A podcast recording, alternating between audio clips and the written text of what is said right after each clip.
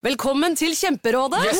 Denne gangen har vi fått inn et kjempedilemma fra en familie. Okay. Jeg leser Hei, vi er litt uenige i familien her. Mm. Hvis du skulle vært et dyr, ville du hatt gjeller eller vinger? Oi, den er tricky. Ja, Hva ville dere hatt, da? Altså, jeg vet ikke, men Med familierabatt får du ubegrenset data fra Telenor fra 399 kroner. Da kan du scrolle seg til svaret, rett og slett. Ja, ok, Men for min del Ja. gjelder. Nei, nei, Gjelder. nei, vinger. Nei, nei, gjeller. Ja, okay, ja, Kjempebra. Men eh, se nye mobilabonnement på telenor.no, da. Bli med inn i hodet til John Ausonius. Bedre kjent som Lasermannen. Han nøt å se seg selv på nyhetene, men han var ikke fornøyd. Han skulle jo drepe. Det samme året skulle han skyte to mennesker til, før han omsider oppnådde målet om å drepe. Hør på innsiden av Psykohoder med Jonas Alf Oftebro og rettspsykolog Susanne Nordby Johansen.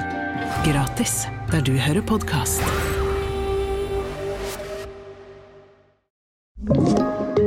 Podkast fra Podplay. Three, two, one. and liftoff. One, two, three, four, five, five, four, three, two, one. Enter bed.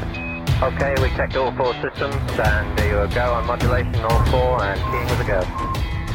Tranquility Base here. The Eagle has landed. Vi har Solo, vi har eh, Kvikk Lunsj, og vi sier eh, riktig god eh, påske. Og for å ja, veie opp for kjedsomheligheten i disse veldig, veldig sakte dagene, som, eh, som jo eh, tenderer å være litt sånn i påska, hvor det er eh, bare sånne rare reklamer på TV, og alle er enten på fjellet eller i bilkø. På vei hjem Ja. til den brutale virkeligheten, så sitter vi her i romkapsel og svarer på de viktige spørsmålene Som ingen har stilt, som ingen har stilt. Og men som noen har regna på.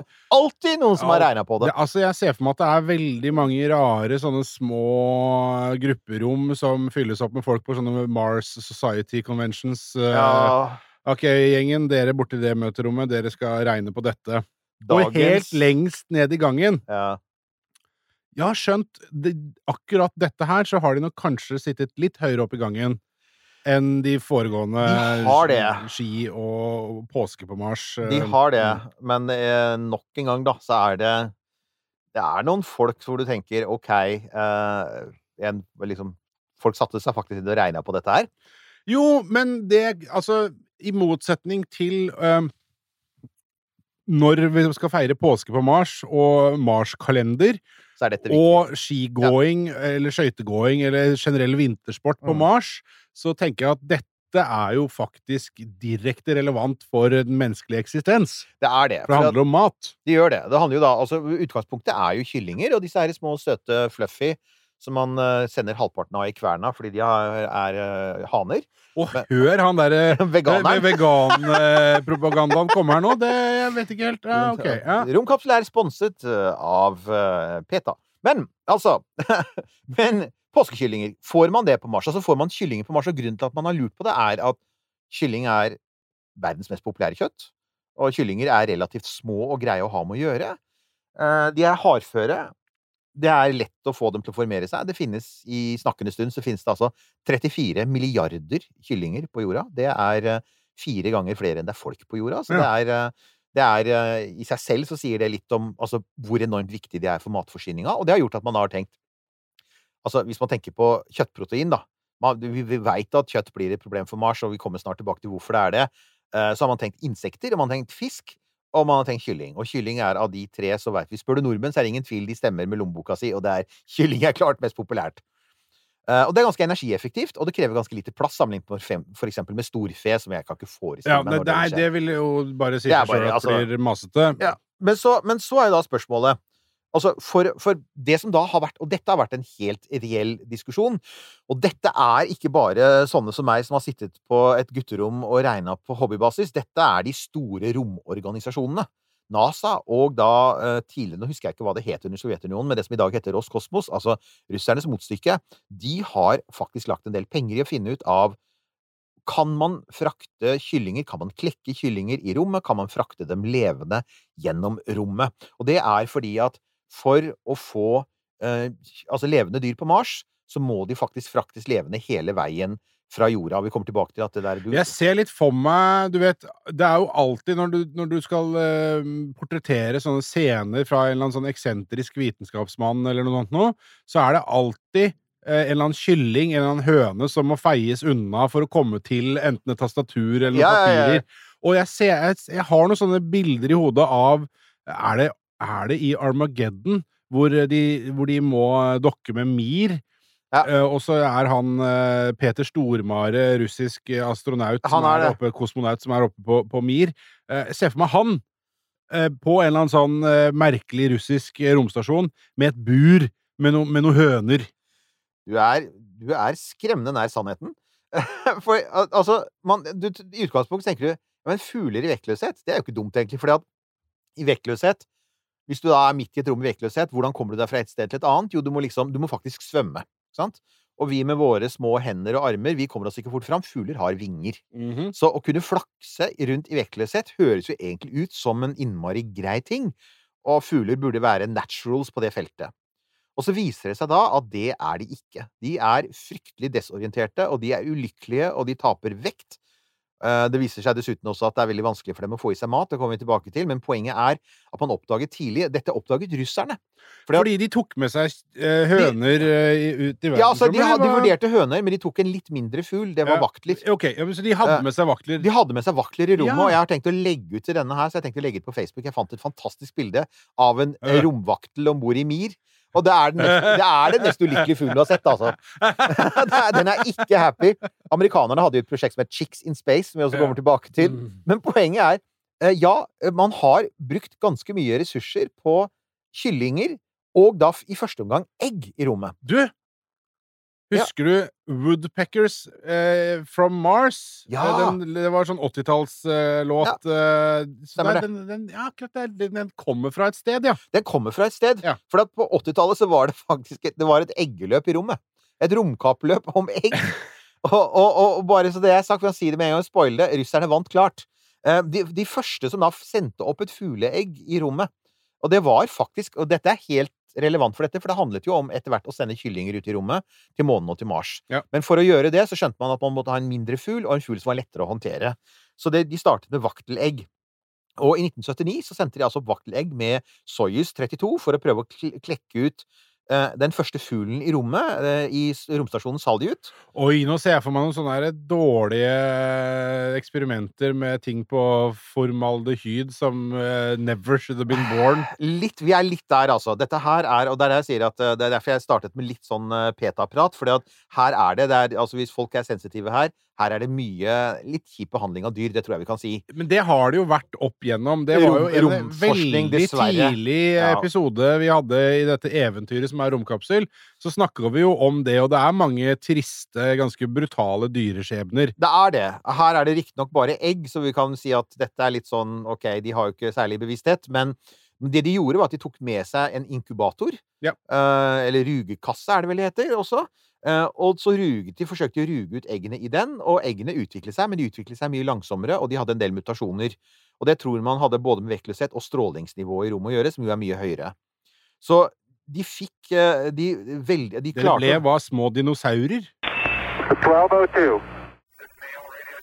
Nesten. De tok med eggene tilbake til bakken og klekket ut noen av dem, og det var svake og sjuke eh, vaktelkyllinger som kom ut, og det var ikke særlig lovende.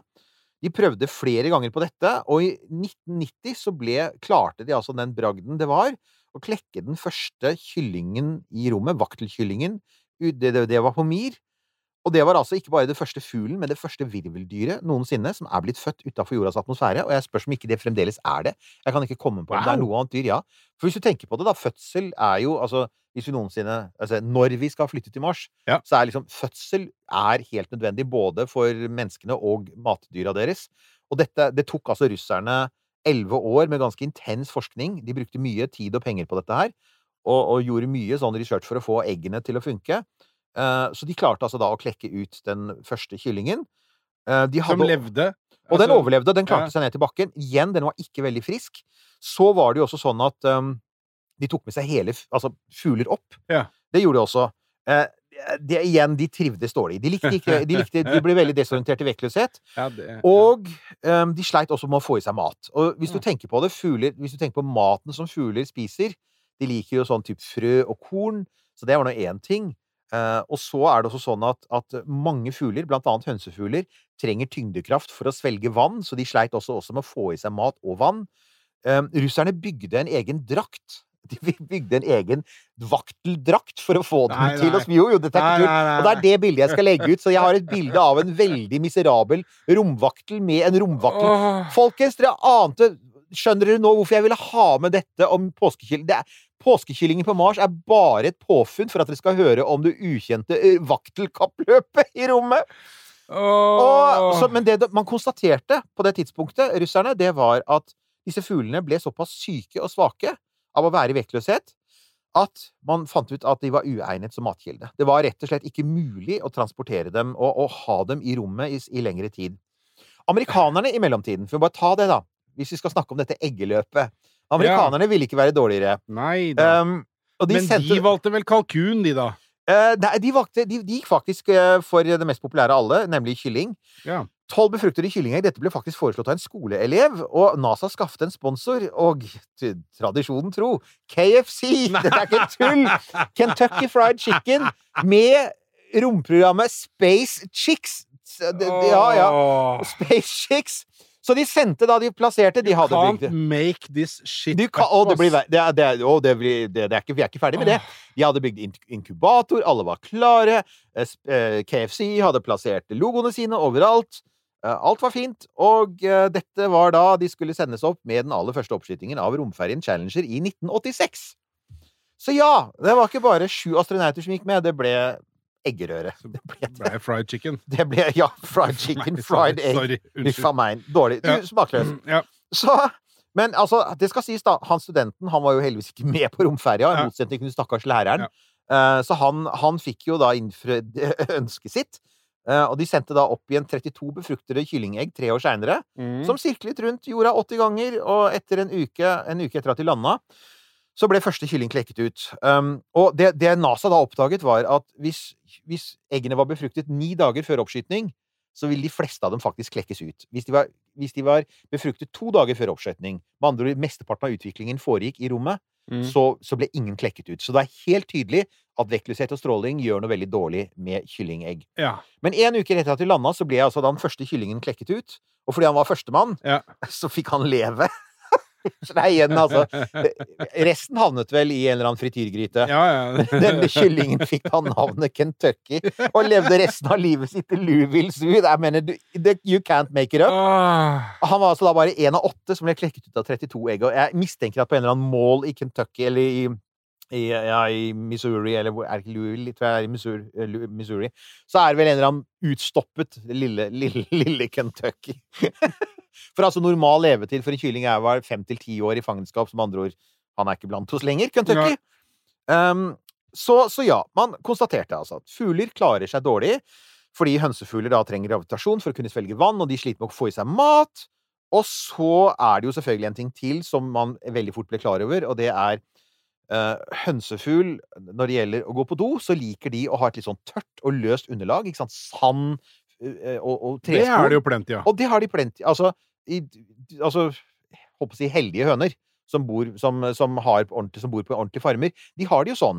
Men det er klart at dette løse, sannete underlaget som høner er så glad i, og denne løse maten, og dessuten den løse hønsemøkka, passer innmari dårlig i vektløshet! Ja, det gjør det. Så det som veldig fort Det man også veldig fort skjønte med vaktene, var at det ble en sånn salig blanding av eh, underlag, mat og bæsj. Ja. Som bare fløt rundt, og dette dyret som flakser rundt. og Det er ikke rart de er ulykkelige, da. Oppi alt det der, altså, ja. Ja. Halvparten av det du, du tror du spiser et frø, og så spiser du din egen bæsj.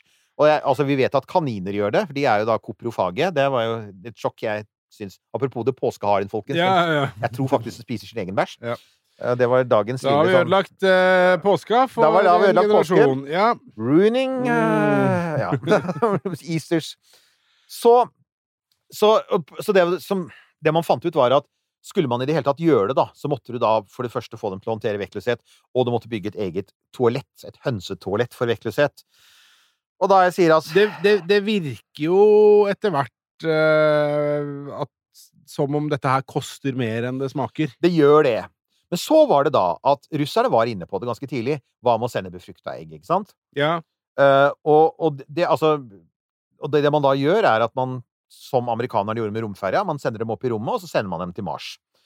Problemet er jo at egg Altså, når du befrukter et egg noen dager før du sender opp, så, så vil de faktisk klekkes ut i løpet av de åtte til Altså, de ligger ikke Det, det er jo snakk om noen uker, er det ikke det? Altså, de ligger i det, fra egget blir befruktet til det klekkes ut. Og åtte til ni måneder som det tar til Mars, Ja. lenge før den tid, Så vil, vil du jo eggene så, så har du en veldig ulykkelig kylling som antagelig dør, ikke sant? Um, så spørsmålet er da ja, men kan man for eksempel kjøle dem ned for å få dette til å gå langsommere? Og dette måtte jeg researche, og da beveget jeg meg inn på Altså, nå har vi snakket om det ukjente eggeromkappløpet. Jeg beveget meg, det, nei, meg da på inn i det for meg helt ukjente The Dark Web of Chickens. For det er jo et helt, det er et helt nettverk av folk som holder kyllinger. Og som Altså, inkubatorweben I'm, I'm just saying. Don't ever go there. Henfluencer altså det, er, det er nettstedet med, med navn som Henfluencer.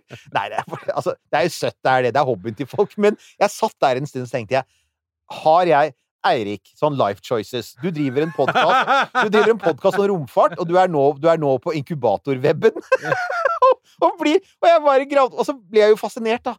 For at det det handler om, det er at hvis du har en inkubator Nå er vi på sånn kryoslipe her. Nemlig, ikke sant? Og hvis du da, altså Poenget er jo at hvis du har en inkubator, og den går i stykker, og du har masse egg som du har lyst til å klekke, hvor lenge kan de være under den optimale temperaturen på en måte før, du, før de dør? Ikke sant? Det er det det handler om. Og, og kan du, eller kan du eventuelt kjøle dem ned for å frakte dem, for eksempel, for at det skal ta litt lengre tid før de klekker ut? Det er da det det, det handler om. Og det man, da oppdag, det man har oppdaget, er jo at du kan faktisk ha dem under litt lavere temperatur enn altså når du kommer under 21 grader, var det vel de sa, så vil du senke den tiden det tar å utvikle. Det er sant. Så, altså, det er ikke det at det går i dvaletilstand, men, det Kanskje vil, ikke lenge nok, eller? men på ingen måte lenge nok. Vi snakker om dager, vi snakker ikke om uker eller måneder. nei. Og ikke bare det, men for hver dag som går, desto færre vellykkede utklekkinger får du av de eggene. Så var det da noen som hadde forsøkt å fryse ned, men da skjedde altså Det sier seg selv at da sprenger du cellene inni, og det Ja. går ikke. Og da har vi ikke engang snakket om disse russiske problemene med, med stråleskader, som helt tydelig altså, For strålesproblemet er jo mye større utenfor lav jordbane, som vi veit. Mellom jorda og Mars ligger tomme verdensrommet, og det, disse stakkars eggene vil jo da bli bombardert med galaktisk kosmisk stråling. Og så er det jo selvfølgelig den, den, den lille sånn ekstratingen her, som er Det ser ut som vektløshet er dårlig for egg. Vi veit at én gravitasjon er bra for egg, for at det er det de er Hvordan er det med en tredjedels gravitasjon på Mars?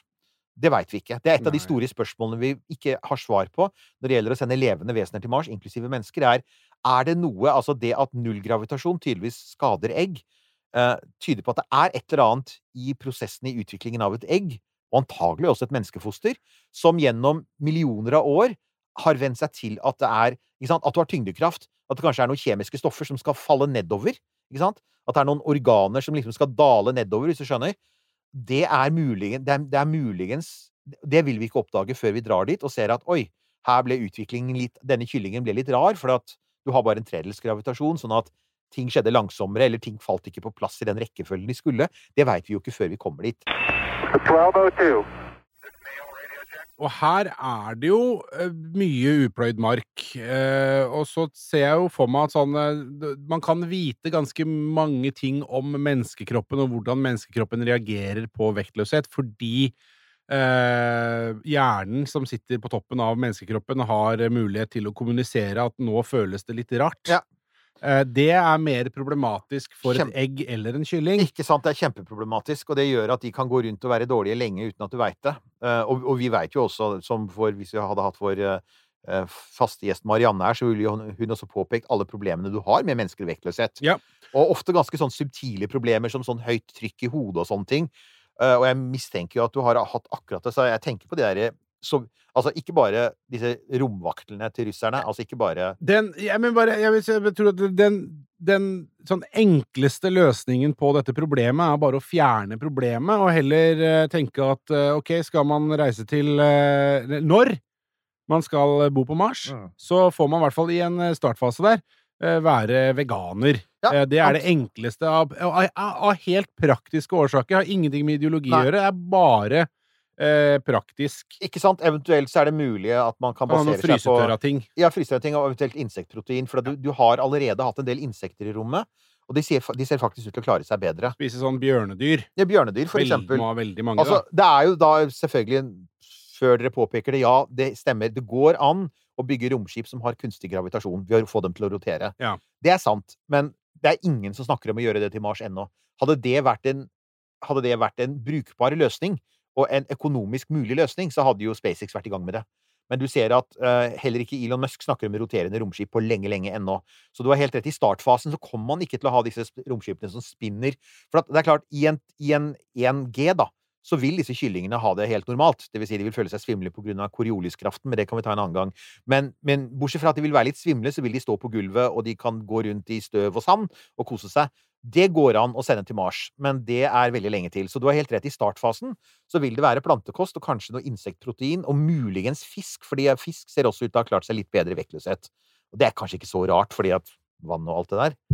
Men, eh, men ja, for det eh, har vi vært innom. Har ikke vi vært innom dette her med fisk eh, i verdensrommet tidligere? Jo, vi har vært innom det før. Kanskje gjøre det. så, Men så er jo da spørsmålet, i og med at vi sitter her nå da i påsketiden, Ja! som er den store godteritiden, ja, det er det. og jeg på en måte her, sitter her med, Med Kvikk Lunsj. Ja. Når vi da har fått etablert at all utregning av liksom egen påske på Mars, det er bare meningsløst.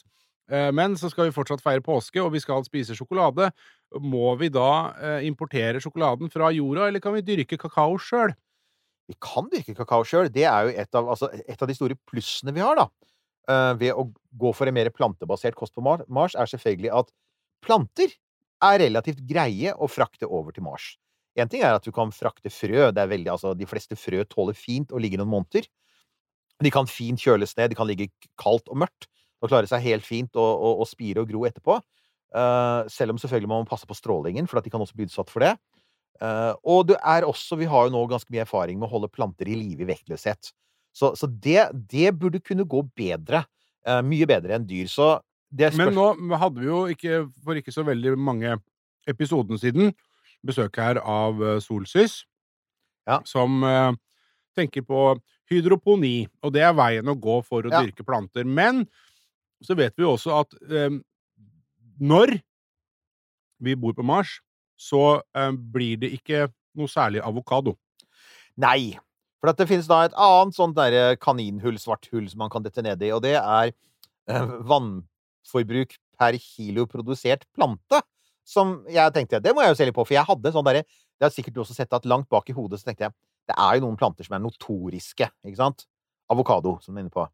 Avokado Ja, avokadoen er jo den nye kokainen. måte, Ja, ikke sant? Og den- eh, den, den krever mye ressurser, ikke minst krever den mye vann. Ja. Uh, og så tenkte jeg, jeg mente å huske jeg hadde hørt det om, uh, om kakao også, kakaotreet, og ganske riktig. Kakaotreet er utrolig tørst, så hvis du skal lage én kilo sjokolade, så krever det ca. 17 000 liter med vann. Og til sammenligning, da, så krever én kilo potet 289 liter med vann. Altså da har vi en faktor ja, det er, det er, eh, det er en faktor 50 eller noe sånt nå, altså 50 ganger mer, 50-60 ganger mer for å lage en kilo eh, sjokolade. Og tomater og en del andre vanlige grønnsaker har enda lavere vannforbruk enn det. Og så kan man si ja, men er det så veldig viktig? Ja, altså for, på Mars er ma vann Altså på jorda er det et problem allerede. Ja, ja. Ikke sant? Det er mange steder som blir det konflikt om dette. For eksempel mandler, som du trenger i marsipan, er ikke fullt så tørst da, som eh, sjokolade, men det er fremdeles sånn 15 ganger Så det blir ikke noe marsipan på Mars? Blir ikke noe marsipan på Mars lokalt. Eller det blir det nok etter hvert. Men da må du få i gang så mye vannproduksjon at du kan sette av 3500 liter vann for å lage en kilo mandler, ikke sant? Eh, det du kommer til å gjøre i startfasen på Mars, er jo å prioritere det som gir mest sånn bang for the buck. Det er de, det, du kommer til å være opptatt av å ha matvaresikkerhet. Og på, på, på Mars er det ingen tvil om at det å satse på sånne eh, proteinrike for eksempel belgfrukter. Det er man veldig opptatt av, for de inneholder mye protein. Ertepro altså eh, erter, eh, kikkerter, for eksempel. Det er sånn som er relativt lett å dyrke, vokser fort, krever relativt lite vann og inneholder mye protein. Så du vil ha en miks av potet Korn er for eksempel eh, bra. Ris er vanskeligere, for vi, ris krever ganske mye vann. Det vet vi jo. Ris liker å stå til knes i vann. Mm. Så ris tar det nok tid før du får på Mars, mens hvete for eksempel er helt perfekt. Det er en perfekt eh, avling å ha på Mars. Så det du, du vil få et ganske variert kosthold, men det vil ta, ta mye mer utgangspunkt i hvor mye vann trenger de? Hvor mye energi trenger de? Altså for eksempel, du, kan res du kommer jo til å resirkulere vannet på Mars, men det krever energi, så en kakaoplante som trenger 17 000 liter vann, krever mye mer strøm enn en plante som da bare krever sånn 300-200 liter vann. Det er liksom det er der vi er, da. Ja. Så ja, eh, så lenge vann må utvinnes av regolitt på Mars, og det må det jo, så Så blir det ikke sjokolade. så og- blir det, da, I så fall blir den importert, og da Ja. blir det gudekongen på Mars ja, som kommer til å spise mesteparten av den. Det er han som har råd til det. Og han kan også kanskje innimellom spise en litt rar bestrålt kylling eller et Han egg. kan det, men så er det da enkelte som har påpekt, og det tror jeg faktisk er sant, at det kan tenkes at Mars At du på Mars bare skipper hele greia. Fordi det er Det er innmari mye Det er mye styr. Det er mye mekk med å holde husdyr i utgangspunktet. Ja. Det er masse infrastruktur rundt det. Vi har, altså, ja, hvis du vil for eksempel ha biff på Mars, så skal du jo ikke bare ha selve dyret, men du må også dyrke det gresset som den spiser, og det er jo ikke nyttig for noe annet. Og det tar mye plass. Det er veldig, det er veldig sånn plasskrevende. Men du har også avfallsproblemet. Du har uh, gjødselen, du har, du har lukten, du har masse, masse sånne ting, så du må ha en egen infrastruktur for det. Og samtidig jobbes det jo nå med å produsere kjøtt i laboratoriet. Og det Ja. er kjøtt. Det er ikke kunst, det er ikke imitert kjøtt. Ja, det er- det er- det er labbkjøtt, og det- det- Labbiff. Labbiff, ja. Oh. Og den fins allerede. Og den er, ikke, den er ikke veldig avansert akkurat nå. Et av problemene nå er selvfølgelig at labbiffen den konkurrerer direkte med kjøttfe. Og da har den ingen kjangs. Da blir det et innmari sært og rart produkt for folk som stort sett er? Som, som for eksempel har kostholdsmessige grunner til det. For å si det sånn, hvis det kommer sånn labbiff på markedet, så vil jo jeg som, som, som veganer ikke ha noe problem med det. For at det er tatt fra en celleprøve fra en levende ku, og så har man dyrket det i et laboratorium. Men den kommer til å koste det hvite ut av øyet, så jeg kommer ikke til å gidde å kjøpe det. Nei. Men på Mars Ja. så kan jo dette faktisk bli eh, Dette kan bli en industri. Så jeg har skrevet en artikkel for en del år siden hvor jeg sa at matvarebransjen på Mars, den kan faktisk bli det kan faktisk bli en eksportartikkel. Altså de oppdagelsene man gjør der, for man er nødt til å være ekstremt flinke til å utnytte ressursene. Innmari kreative. Bruke eh, krydder, planter eh, og stoffene som fins i det man kan dyrke på Mars, på nye måter. Og bruke 3D-printing. Og bruke og det er, er for eksempel ingenting i veien for å frakte en celleprøve i vektløshet. Så hvis du har, hvis du, hvis du, hvis du har laboratoriekjøtt Laboratoriekjøtt kan du dyrke på Mars. For at den celleprøva den vil overleve i åtte måneder. Den kan du oppleve i en, nær, opp, oppvare i en næringsløsning. Og så vil den fremdeles være i live når du kommer fram. Her starta vi altså med en uh, larger than life og uh, helt høres veldig fjollete ut. Diskusjon og, og presentasjon av kylling og vaktler ja, i rommet. Så fremdeles er en god historie, da kan vi i, være i enige om det. verdensrommet. Og så ender vi opp da altså med en oppfordring til disse dagligvarebaronene, som nå i disse dager gråter sine krokodilletårer over at de tjener mindre milliarder. Mhm. Folkens! Reitans, eh, Norgesgruppens, eh, Hagens, kom igjen! Her er et marked som kommer til å bli stort, så det er bare å sette i gang med utviklingen av eh, sant, altså. produkter. Ja, det tror jeg er helt sant. Kiwi på Mars. Kiwi på Mars, altså de skal jo ha mat, og de skal jo ha god mat, og den skal være variert, og den skal ligne på den maten de har hjemme, for det er viktig for folk. Det er en ting vi har lært av, av markedet på jorda nå, det. Men vi er jo, på, som på alt mulig annet på på Mars, er vi veldig, veldig langt unna å ha gode løsninger. Men de løsningene, det, det morsomme med disse løsningene her, er jo at hvis de blir, eh, hvis de blir bra, og hvis de blir energieffektive, så er de også sannsynligvis veldig klimavennlige. Så det er, det er sånn som du kan eksportere tilbake til jorda, som sagt. Så jeg ser, jeg ser for meg at eh, mat, matvarebransjen på Mars kan bli kjempeinteressant. eh, basert på det der gamle prinsippet om at nød lærer naken kvinne å spinne. Du veit at det er det du har. Du har, liksom, du har langt færre komponenter å jobbe med, og da må du være innmari kreativ med de du har. Snarere enn her, hvor vi egentlig kan gjøre hva vi vil. Og så blir vi litt sånn kjedelige. Sånn, sånn at eh, ja, du sitter med en Kvikk Lunsj der, ikke sant, og så fins Kvikk Lunsjen er brutt opp i biter og blandet inn i en sjokolade, ikke sant, og så, ja, så har noen funnet å ha lakris i sjokolade. Altså, det er den typen innovasjon vi ser her. For det er sånn, det er sånn overskuddsinnovasjon. Det er sånn Å ja, vi har mer enn nok sjokolade. Kan vi blande sammen to sjokolader på en ny måte, eller ha på litt kjeks? Mens det vi trenger, er jo de der gjennombruddsideene. De virkelig kule tingene som gjør at du Folk kan leve på Mars. Print en biff. Eh, fortsatt eh, god påske. Kjør pent i eh, påsketrafikken på vei hjem. Og så høres vi eh, neste gang du trykker på play. Og da kan det hende at det blir mer normalt romfartsstoff, da. Det er fare Det er fare det er fare for det. Eh, Facebook, eh, Romkapsel, der er diskusjonene om både det ene og det andre alltid i gang. Romkapsel.no, der får du eh, merchandise. Det Ja. setter vi veldig pris på, alle som Stikker- kjøper. Og hvis du stikker innom Facebook-sida vår i dag, så vil du da se en ekte sovjetisk romvaktel. Som ikke bare er trist fordi den er oppe i Mir, men fordi den vet at den kommer ned på bakken, så må den stå i brødkø i Moskva.